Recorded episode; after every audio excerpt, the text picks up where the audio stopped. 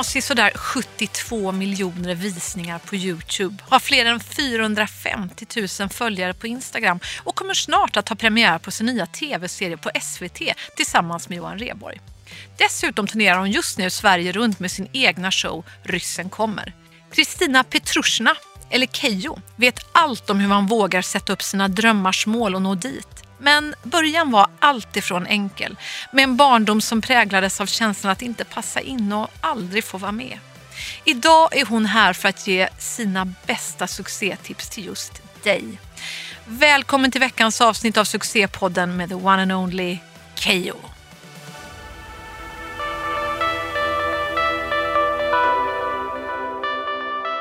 Keyyo, varmt välkommen hit till succépodden. Underbart att ha dig här. Tack! Vad Ja. roligt att vara här Frida. Ja, vi, vi sågs ju senast igår på humorkalaset Mm. med alla våra fantastiska eh, komikerkollegor som vi hänger med på Rova. Ja, verkligen. Det var så stort också.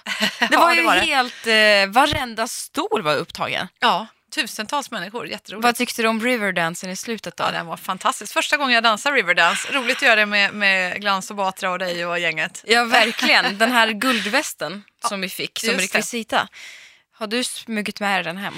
Jag gjorde faktiskt inte det. Gjorde du det? Det gjorde jag. Nej, det du gjorde jag, gjorde det. Jag borde också ha gjort det. Den var ändå lite härlig. Ja, jag vet. Och jag vet inte om vi fick ta med oss det Det var det jag tänkte på också, att man kanske inte fick det. Men, men eh, Gjort är gjort. det smarta är att inte fråga. Exakt. Ja, alltså, eh, det är förmodligen väldigt, väldigt många där ute som känner dig med tanke på, jag tittar innan till här, alltså 71 702 365 visningar på Youtube har du dragit in hittills. Ja. Det är ju helt otroligt. Du är ju Youtube-stjärna och du började ju väldigt tidigt. Mm. Du var väl 13 år ungefär när du Exakt. började publicera det på Youtube? Mm, och nu är jag 21, fyller 22 väldigt Ja. snart. Så det är ju nästan, det är nästan halva mitt liv. Ja, herregud. Och du har, precis som andra människor tänker många dem, ja du vet, de pluggar och jada jada Mm. och sen börjar de jobba. Så att motsvarande så kanske du är, vad vet jag, nästan 40 eller någonting. Att men exakt. Men jag beskrivs ju jätteofta av, av mina vänner och bekanta som en gammal själ. Jag vet inte om jag ska ta det som något positivt eller negativt. Jag är ju oftast yngst i kompisgänget också. Men det känns som du säger, det, ja, har man jobbat halva sitt liv ska det vara så när man, men det har bara varit roligt så jag har inte ens sett det som ett jobb. Nej. Eh, Är- det många eh, polare, hur gamla är dina polare då, om du brukar vara yngst i gänget? Nej men det är ju folk som eh, jag lär känna via jobb och sådär. Eh, jag har ju lärt känna mest folk nu på eh, senare åren. Ja. I och med att jag inte har haft jättemycket kompisar i skolan. Eh, så att, eh, ja men det är ju så man träffar. Jag, jag tänker på det ganska mycket. Hur gör man egentligen för att träffa kompisar idag? Det är ju via jobb, det är ju via gemensamma vänner. Det är svårt. Ja. Likadant, likadant om man ska träffa partners. Jag satt med en kompis häromdagen och diskuterade, men gud vad gör man om appar har tagit över världen? Men du, vi, bör, vi börjar från, från början tänker jag. Du, alltså, du var 13 bast när du började Youtuba. Mm. Och varför började du med Youtube? Nej men det var ju för att eh, jag har alltid älskat att skapa film. Att eh, göra sketcher och jag, hela, allt det började väl med att jag sålde jultidningar som barn och så fanns det olika premium, premier. Och så ville jag få den där efterlängtade kameran som var ganska svår att få. Eh, och så fick jag den efter några års försäljning. Och det var så det började, liksom sätta på kameran, pausa kameran, skapa sina egna sketcher. Och då fanns ju inte Youtube på den sidan.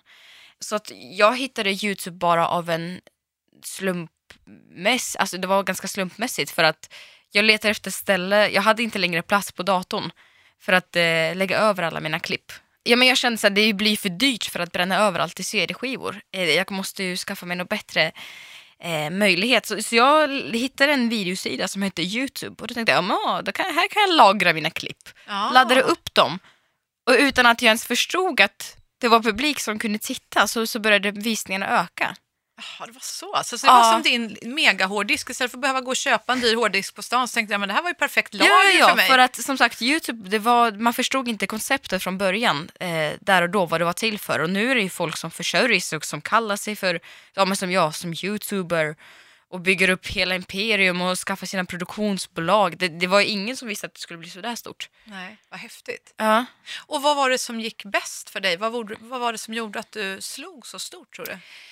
Ah, jag har tänkt på det ganska mycket nu i efterhand eh, när man har liksom det är lättare att reflektera på någonting när man har, har en distans till det och inte när man är inne i stunden. Jag har väl insett att ja, det kan ju ha berott på att det blev så pass stort för att jag var en av de tjejerna tillsammans med Clara Henry som sysslade med Youtube.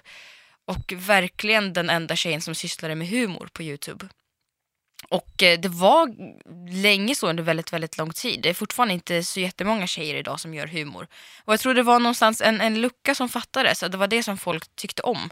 Och också som sagt, alltså jag hade ju tur att det blev ett sånt, jag började precis när det var uppsving för Youtube i Sverige. Mm. Ja. Men eh, varför tror du att det är så få tjejer som håller på med humor då, jämfört med killar? Det är ju väldigt hårt klimat på internet eh, överlag. Och så fort jag laddade upp ett klipp så var det, ja men eh, det, var, det var väldigt mycket hårda ord om mitt utseende, hur jag såg ut och inte alls om innehållet i sig. Det var verkligen inte, jag hade kunnat spendera ett helt dygn på att göra ett klipp.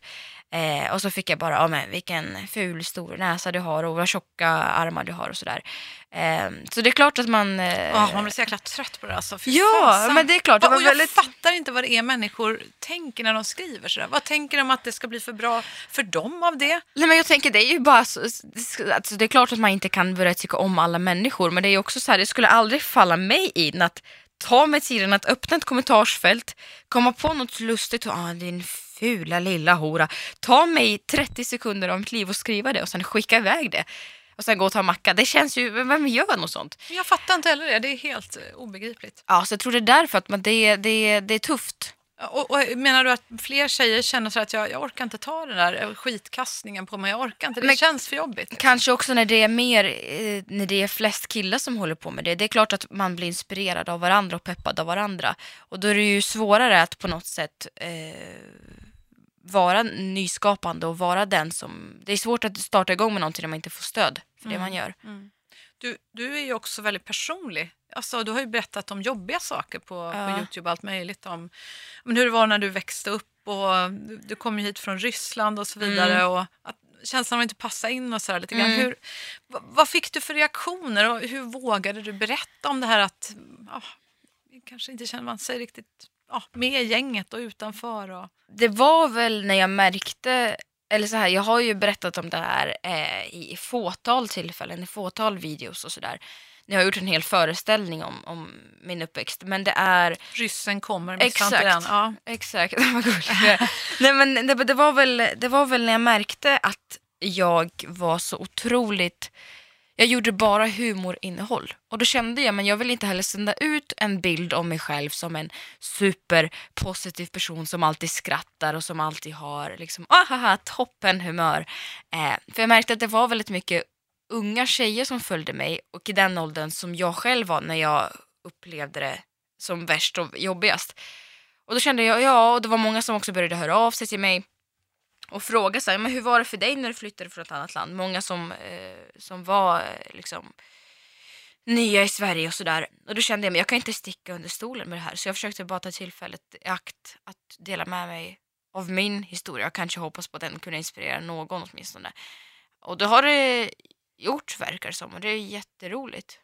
Men du, hur var det då? Alltså, som jag förstår det var du ju ändå mobbad när du var liten.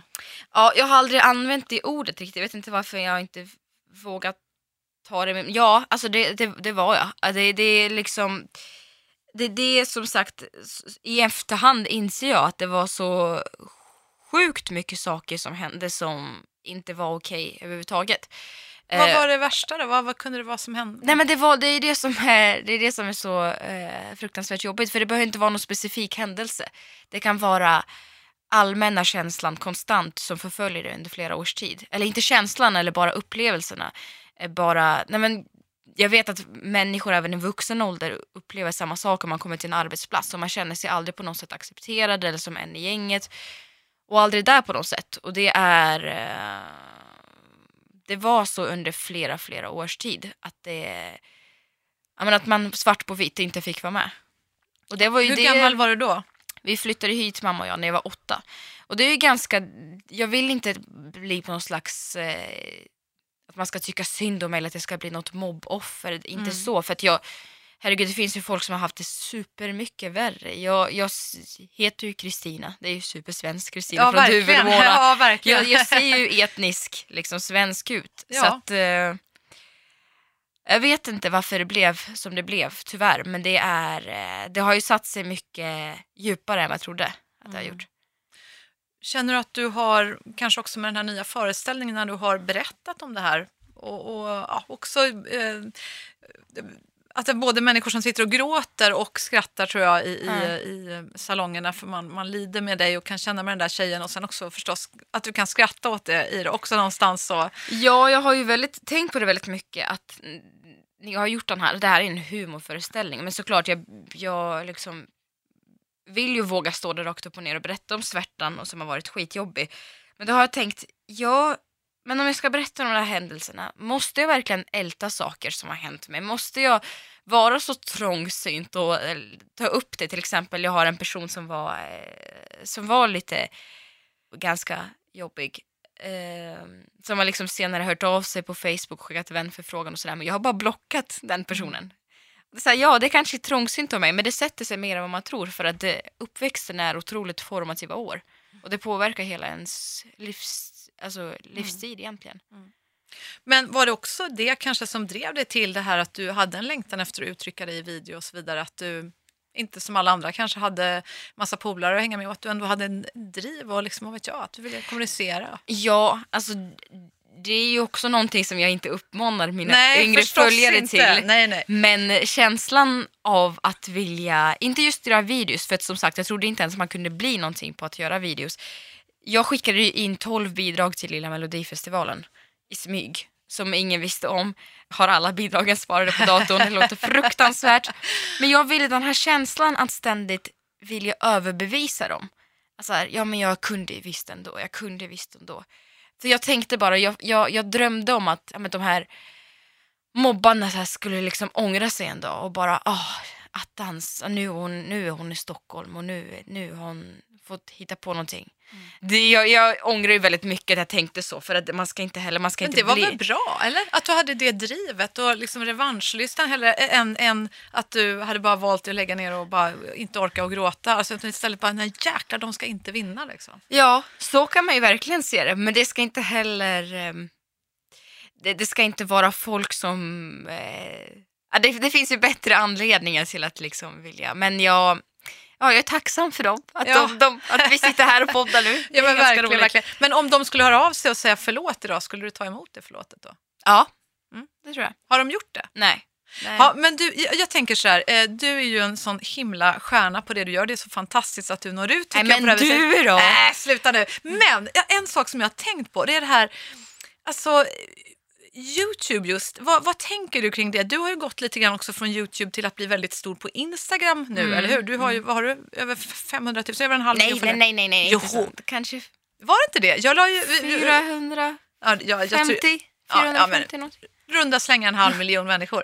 Och eh, finns det någon anledning till att du nu publicerade mycket på Instagram också? Ser du en rörelse från Youtube till Instagram? Eller? Mm, det gör jag. Mm. Verkligen. Ehm, Vad är jag det som inte- händer i dina ögon, tänker du? Vad det är som händer i mina ögon? Ja, jag vad tänker du om den här ju- förflyttningen? Det är så svårt. Jag har försökt analysera det supermycket. Jag har märkt samband. Nu har inte jag aktivt gjort Youtube på kanske ett och ett halvt år, två år. Eh, för att jag har sysslat med lite programledaruppdrag. Det ska vi också prata om. Ja, men, ja, då- håller jag lite tyst Ja. om det några minuter.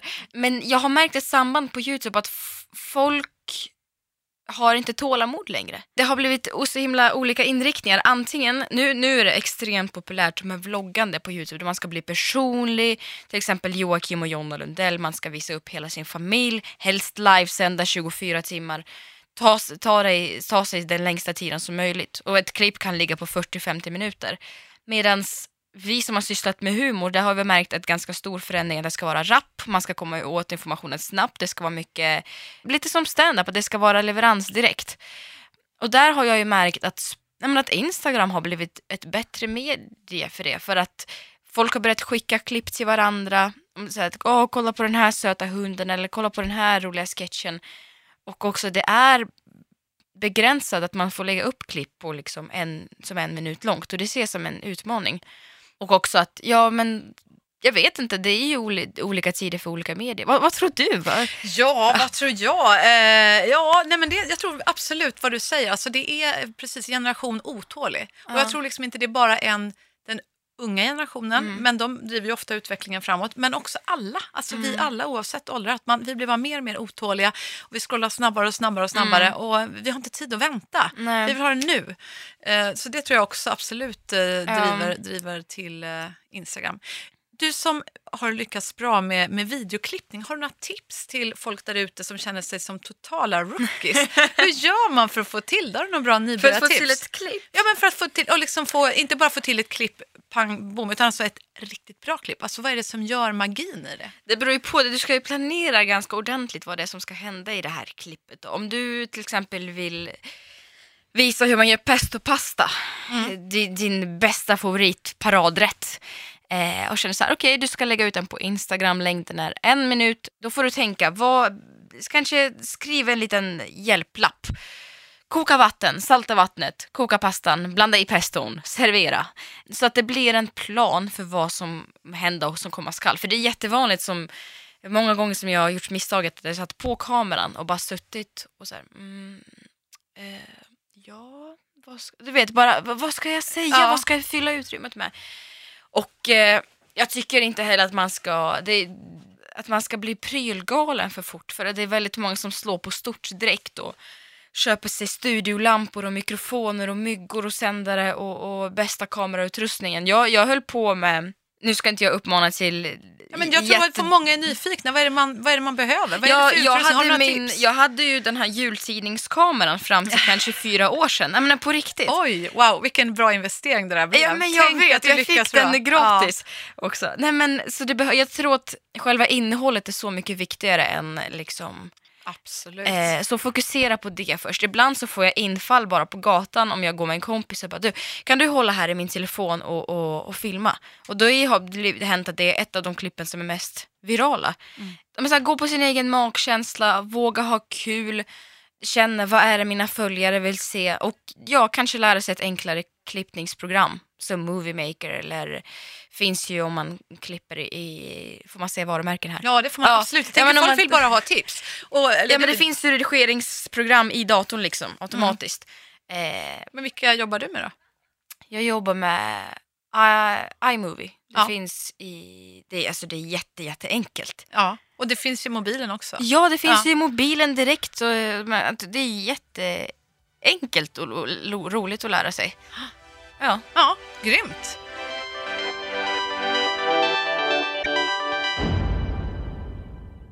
Jag tror, jag tror att det är fler yngre människor som vågar kanske göra video. Eller jag kanske har fel där. Är Mm. det det? Mm. Eh, Och, och om det är, vad skulle behövas för att liksom, generationen ovanför dig skulle våga göra lite mer tror du?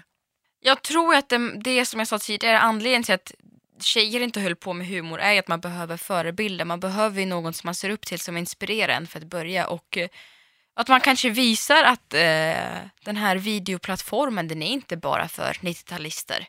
Den är verkligen till för alla. Det finns ju, det finns ju farmödrar och mormödrar på Youtube som eh, vloggar en helt vanlig dag. Jag älskar det. Jag älskar att se på grocery shopping with grandma. Det, det, det är jätteroligt. Eh, Finns det ett konto som heter det? Nej, nej, nej, jag hittade precis Ja, på det. Men, alltså, det men det finns liknande koncept på videos. Det, det, det, det är verkligen till för alla. Nu ser jag ju det var, åh, jag, jag brukar ha bra, ganska, ganska bra kommunikation med mina följare. Jag såg att det var en liten, kanske 60-70-årig dam som har skaffat ett konto där hon lägger upp dagens Åh. outfit.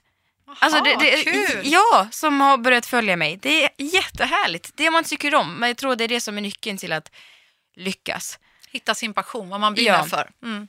Mm. Och sen eh, kanske våga vara personlig och sen kanske säga det med känslor, alltså som du, humor, Mm, alltså verkligen bjuda på sig själv. exakt. Men du, du måste berätta om det här, ditt äventyr med Reborg, det är man ju lite Mm. nyfiken på. vad, vad är det du och Reborg har gjort? Åh herregud, jag vet inte var jag ska börja eh, nej men jag fick för mig för två år sedan, fick jag en idé att eh, jag flyttade hit med min mamma via den transsibiriska järnvägen. Känner du till den? Ja, fast jag har aldrig haft förmånen att åka på den, men det, det har man ju läst sen som man, som man var liten. Ja men den går ju via Ryssland och lite till ja, men Asien, Europa. Långt som sjutton. Ja men exakt, så vi flyttade veden från Sibirien till Moskva, sen från Moskva så flög vi till Stockholm. Och jag känner, jag har inte gjort den resan sen jag var åtta och den vill Mm. jag uppleva igen. Så skrev, och jag kände men vad roligt och vad roligt ska jag göra den själv? Jag är ju ändå i den åldern för att man ska tågluffa. Ja, det. Men det känns, så här, men det känns lite, kan vi inte göra något kan vi inte göra något? Ja, men det här låter ju som en rolig programidé tänkte Mm. jag. Ja, men vad skoj.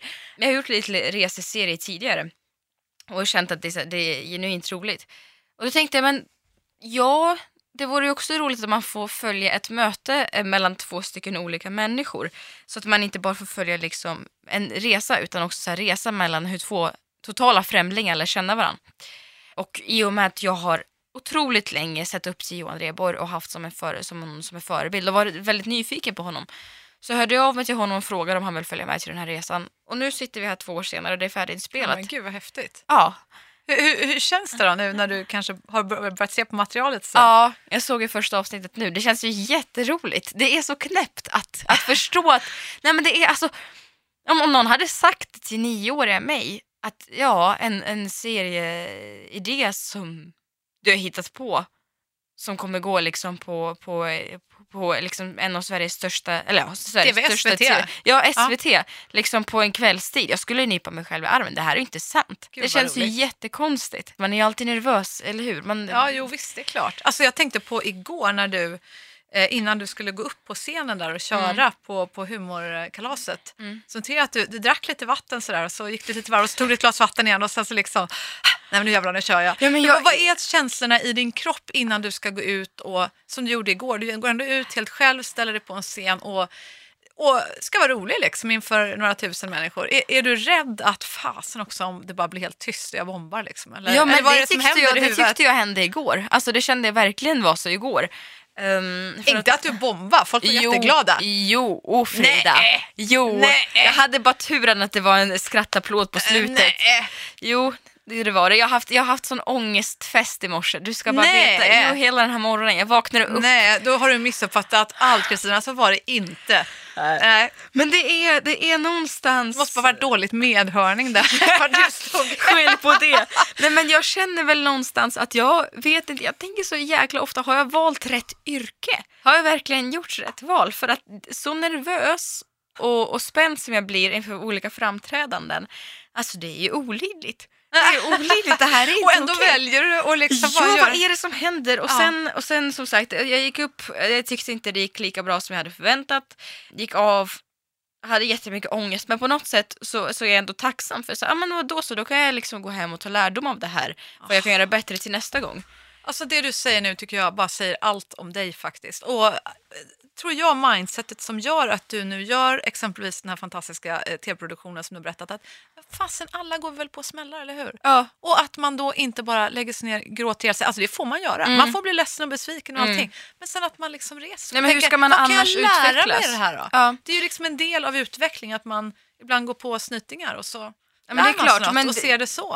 Att det var en lärdom, att det var Ja, gott det, det. ser jag faktiskt. Eh, den regeln försöker jag leva faktiskt efter i allt jag gör. Även på jobb så som privat. Jag, eh, jag när, man var, när man var yngre och låter återigen som att jag är 40 år, vad är det här? Ja, när, var, när, var, när du var yngre, 21-åriga Kristina. Man ja. är ju inte 18 längre. Nej men, nej, men man har ju liksom så här, ja, men träffat killar och man har umgåtts med Mm. vänner och så har man liksom så här, haft olika folk i sitt liv. Och då har jag känt så här, vad var det här bra för? Men nu i efterhand så inser jag att alla personer som har kommit in i mitt liv har jag lärt mig en läxa av Mm. på något sätt. Mm. Och det är jag ganska tacksam över. Även om man då i stunden känner bara, nej men jävla skitperson. Mm. Så bara, shit vad jag lär mig mycket om mig själv. Mm. Annan sak då, det här med Mm. döden. Vad har du för Oj. relation till döden? Ah, mm, jag tycker det är skitläskigt. Ja. Eh, jätte, jätteläskigt. Inte för att jag själv ska dö. Det är jag inte rädd för alls. Eh, utan snarare att eh, förstå att jag snart kommer närma mig en ålder då jag, ens föräldrar, börjar bli äldre. Och förstå att det kommer inte finnas där för alltid. Och att nej, men bara det, det känns så otroligt läskigt att, att förstå att människor som jag har runt omkring mig idag inte kommer finnas kvar. Det känns... Usch, jag tycker det är jätteobehagligt. Mm. Vad tror du händer när man dör? Jättetråkigt svar, får jag ge det? Ja. ja, jag tror man bara dör. ja. Vad är du mest stolt över dig själv hittills då, att du har gjort i livet? Ehm, Vad är din största framgång tycker du? oj, vilken svår fråga. Ja, men det här är ändå succépodden, vi måste fråga, börja fråga, Ehm. prata framgångar. Jag tror ändå, ändå om man, om man ska hålla på och, och vara, inte, Och var lite och vara anti-jante. Ja. Ja men det är ändå kanske att vi sitter här. Jag får sitta eh, med dig och prata. Vi sitter, vi sitter i Stockholm och sen efter det här ska jag åka hem till min egna lägenhet och laga en jättegod middag. Eh, och eh, peppa peppa ta i trä, mina nära och kära är liksom vid bra hälsa nu. Det gör mig ganska glad. Vad Eh, fint att du säger så. Att du tänker på det först. Och det är ju det som är viktigt. Nej jag tänkte på dig först. Jag sa att jag sitter med dig. Ja, men det är ju inte ens sant. Det kan inte vara det viktigaste. Nej okej, men Ja. faktiskt att, att det verkar relativt vara bra. Alltså det, det, jag vet att det är lätt att bli missundsam eller missnöjd för, för små saker men överlag så här, jag, jag får sova i en bra säng, jag får, jag, jag får jag, jag har ett sjukhus i närheten, jag får tjäna pengar och, och lön med någonting jag älskar att göra. Det, det Mm. räcker, det känns mer än väl, det känns otroligt fantastiskt. Och om, om du vill ge något mer tips då till alla som kanske drömmer om att få ha en, en tillvaro som du. Jag menar, alltså i grunden säger du, jag menar, herregud att jag bara får vara frisk och bo nära ett sjukhus, att mina nära och kära mår bra, vi kan få laga en middag ikväll. Ja. Men om man ändå är nyfiken på det här livet som du ändå har, har uppnått, yrkeslivet. influencer life. Ja men influencer life och det här och liksom hitta på den här roliga idén med, med reaborg och att du vill Ja. åka eh, hem till, eh, eller det kanske inte är åka hem. Jo, det är åka hem. Ja, du har två hem. Ja, Eller? två hem faktiskt. Det var så jag såg det. Det, var, det är också en väldigt stor frågeställning i programmet. Åker jag hem eller åker jag... Var åker vi någonstans? Mm. Men eh, som sagt, vilka är dina tips då? Liksom rent om man, för att få uppleva vilka drömmar man än har. Alla kanske inte Mm. drömmer om att bli youtuber, men, men för att faktiskt nå en, en hel del på vägen mot sina drömmar. Jag har ju en, eh, en lite töntig sak som jag gör. Det var det, var det första, första som kom upp i min hjärna. Varje år i början av januari så skriver jag en lista på saker det här året ska jag uppnå det här. Och eh, det kan vara allt ifrån personliga mål, eh, för att jag tror att personliga mål påverkar mer än vad man tror. Eh, och i mitt fall var en av mina största liksom, mål för det här året, jag ville flytta. För att jag märkte att den lägenheten som jag bodde i, jag trivdes inte i den och jag tror också att det blev en ganska ond spiral att jag kände mig okreativ när jag var där inne. Jag, jag kände nej men jag vill verkligen flytta, det tror jag skulle liksom vara en ganska bra start på väldigt mycket saker. Nej, men jag kände att jag, jag vill skapa en programidé. Jag vill lära mig salsa. Alltså det är verkligen du vet, Ja, stora och små mål. ja. Ja. men verkligen. Eh, och bara, det finns inget mer tillfredsställande än att bocka av saker. Jag Ja, älskar att bocka vet, av det är saker. något magiskt ja! med det. Nej, men bara göra mål för dagen, göra mål för året, göra femårsplan, det har jag också. Och att ständigt ha en riktlinje. Sen det här tycker kanske många är jättetöntigt, men eh, laws of attraction. Just det, Jag tror verkligen på det. berätta. Jag tror så här, det finns jättemycket att läsa om det här, men jag tror att tänker man på någonting och fokuserar på någonting, till exempel, jag vill öppna mitt första företag.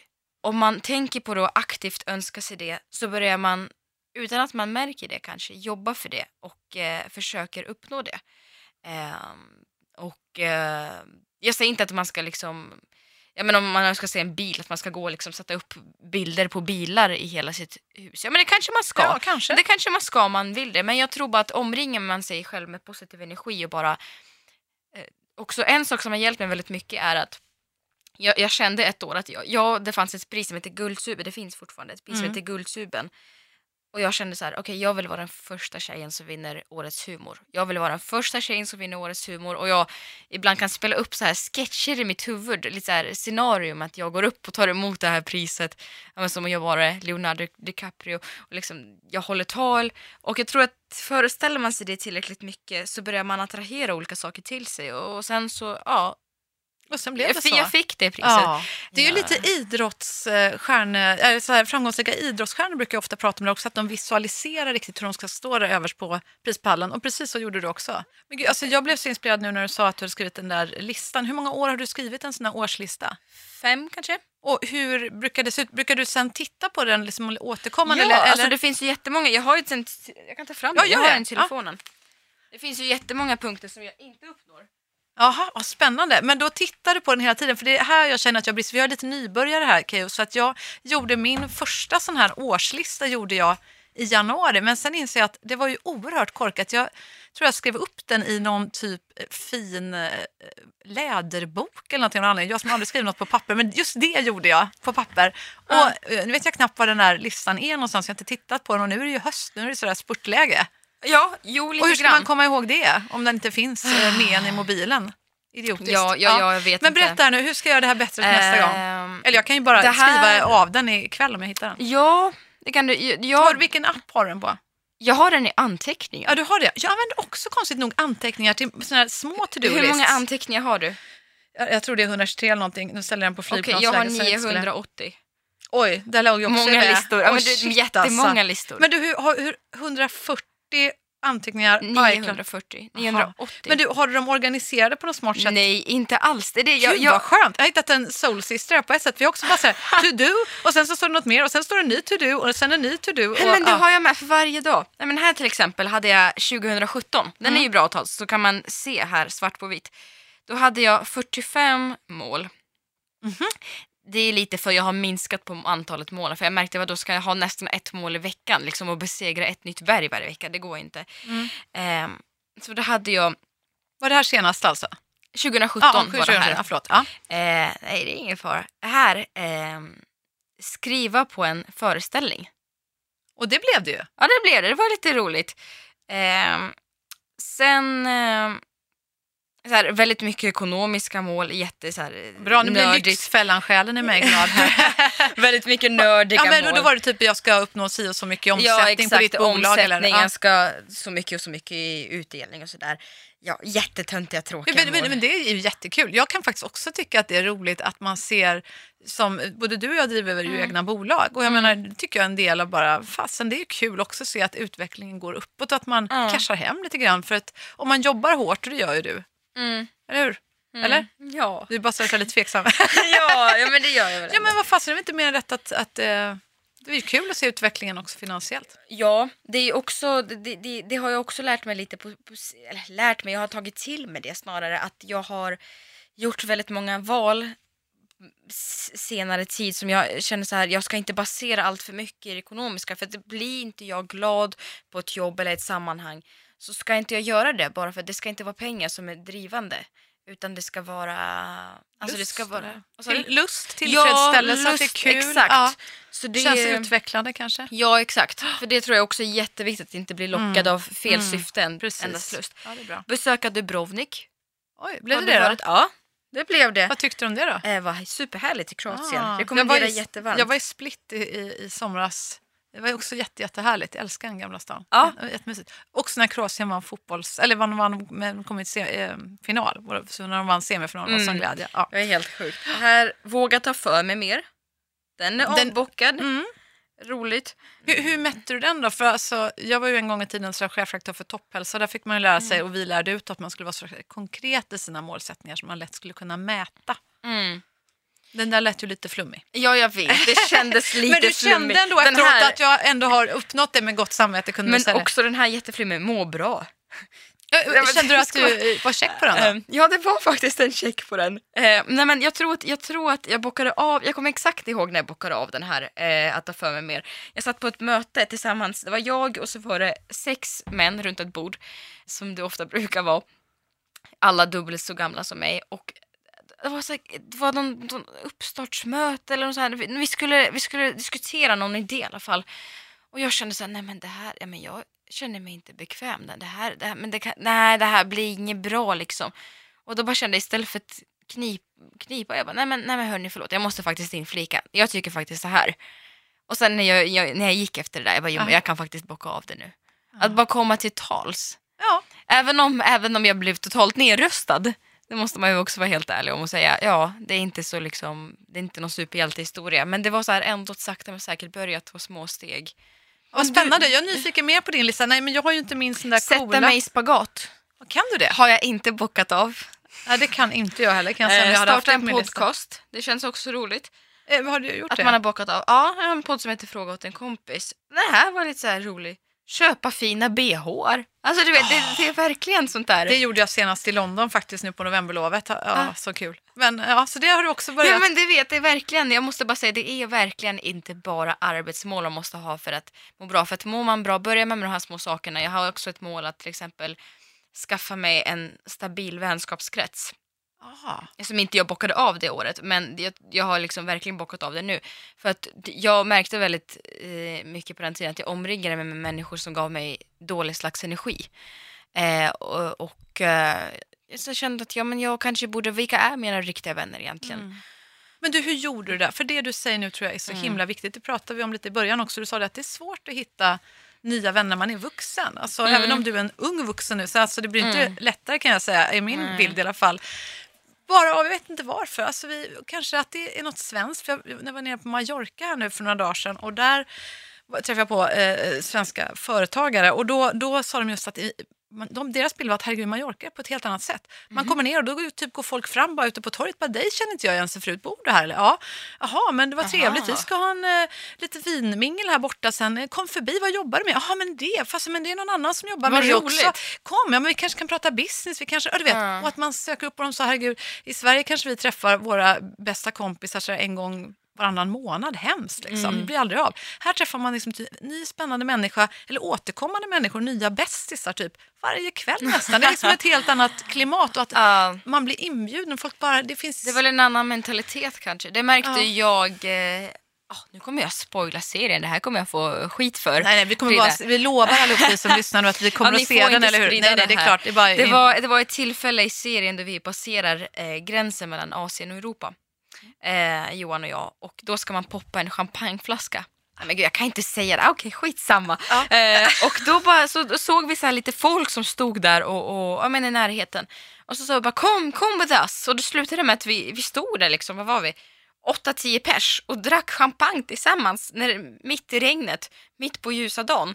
Och jag tror bara det att, jag vet inte, att det är kanske att man måste kanske vara mer öppensinnad och bara nu kanske jag kommer säga någonting som är helt fel, jag tänker bara högt. Är man mer, mer fördomsfull här? Kanske. Att, att man får hur- mer förutfattade Hur meningar? gör du då? Alltså, du hade det här målet att du ville ha alltså, en stabil vänkrets som Ja. gjorde dig glad och lycklig. Då. Mm. Men hur, hur har du typ raggat upp dem? Hur hittar du dem? Hur Ehm. säger du typ? Man, när man var liten var det lätt var det bara, äh, men du var min kompis, eller ska vi leka? Ja. Vad säger du idag? Eh, nej men jag, jag har ju fyra kompisar. Jag märkte när jag flyttade till Stockholm och särskilt i det här jobbet som både du och jag har att gud, jag känner så väldigt mycket folk. Jag känner jättemånga människor. Och så insåg jag också, men det är väldigt, det, det är ju inte folk som jag heller kan smsa klockan 14 på eftermiddagen och bara du vill du komma över på tacos ikväll? För det är väldigt mycket ytliga bekantskaper. Alltså då kände jag, det, det var ju väldigt svårt att liksom hålla så mycket lösa trådar med allt och alla. Så jag kände väl, okej men vilka är det jag verkligen, verkligen, verkligen tycker om att umgås med som jag kan berätta mina hemligheter i förtroende för.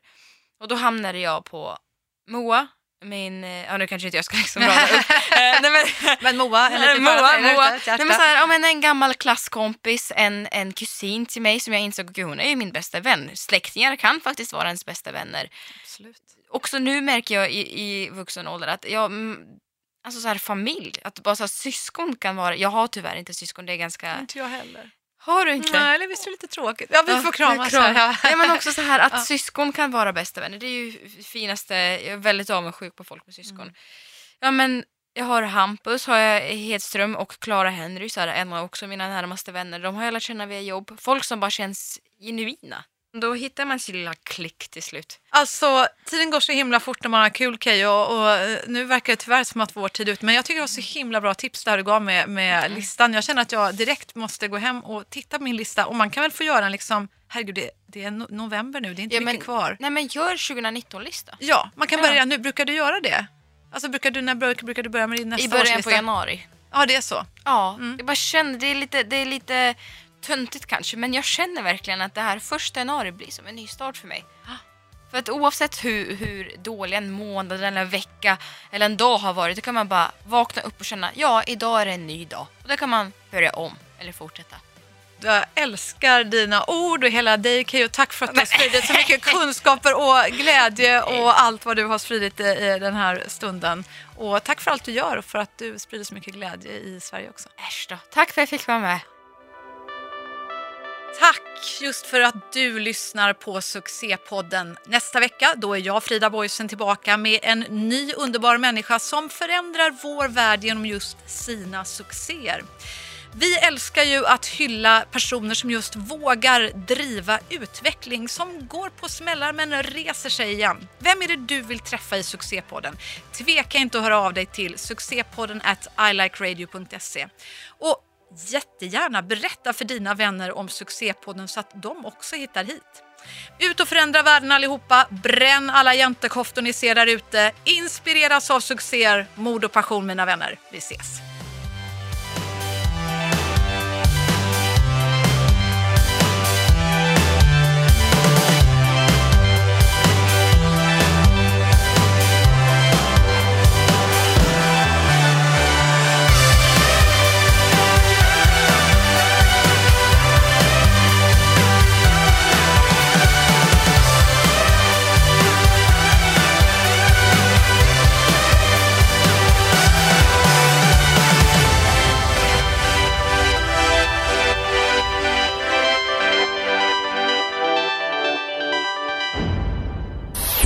Produceras av I Like Radio. I like radio.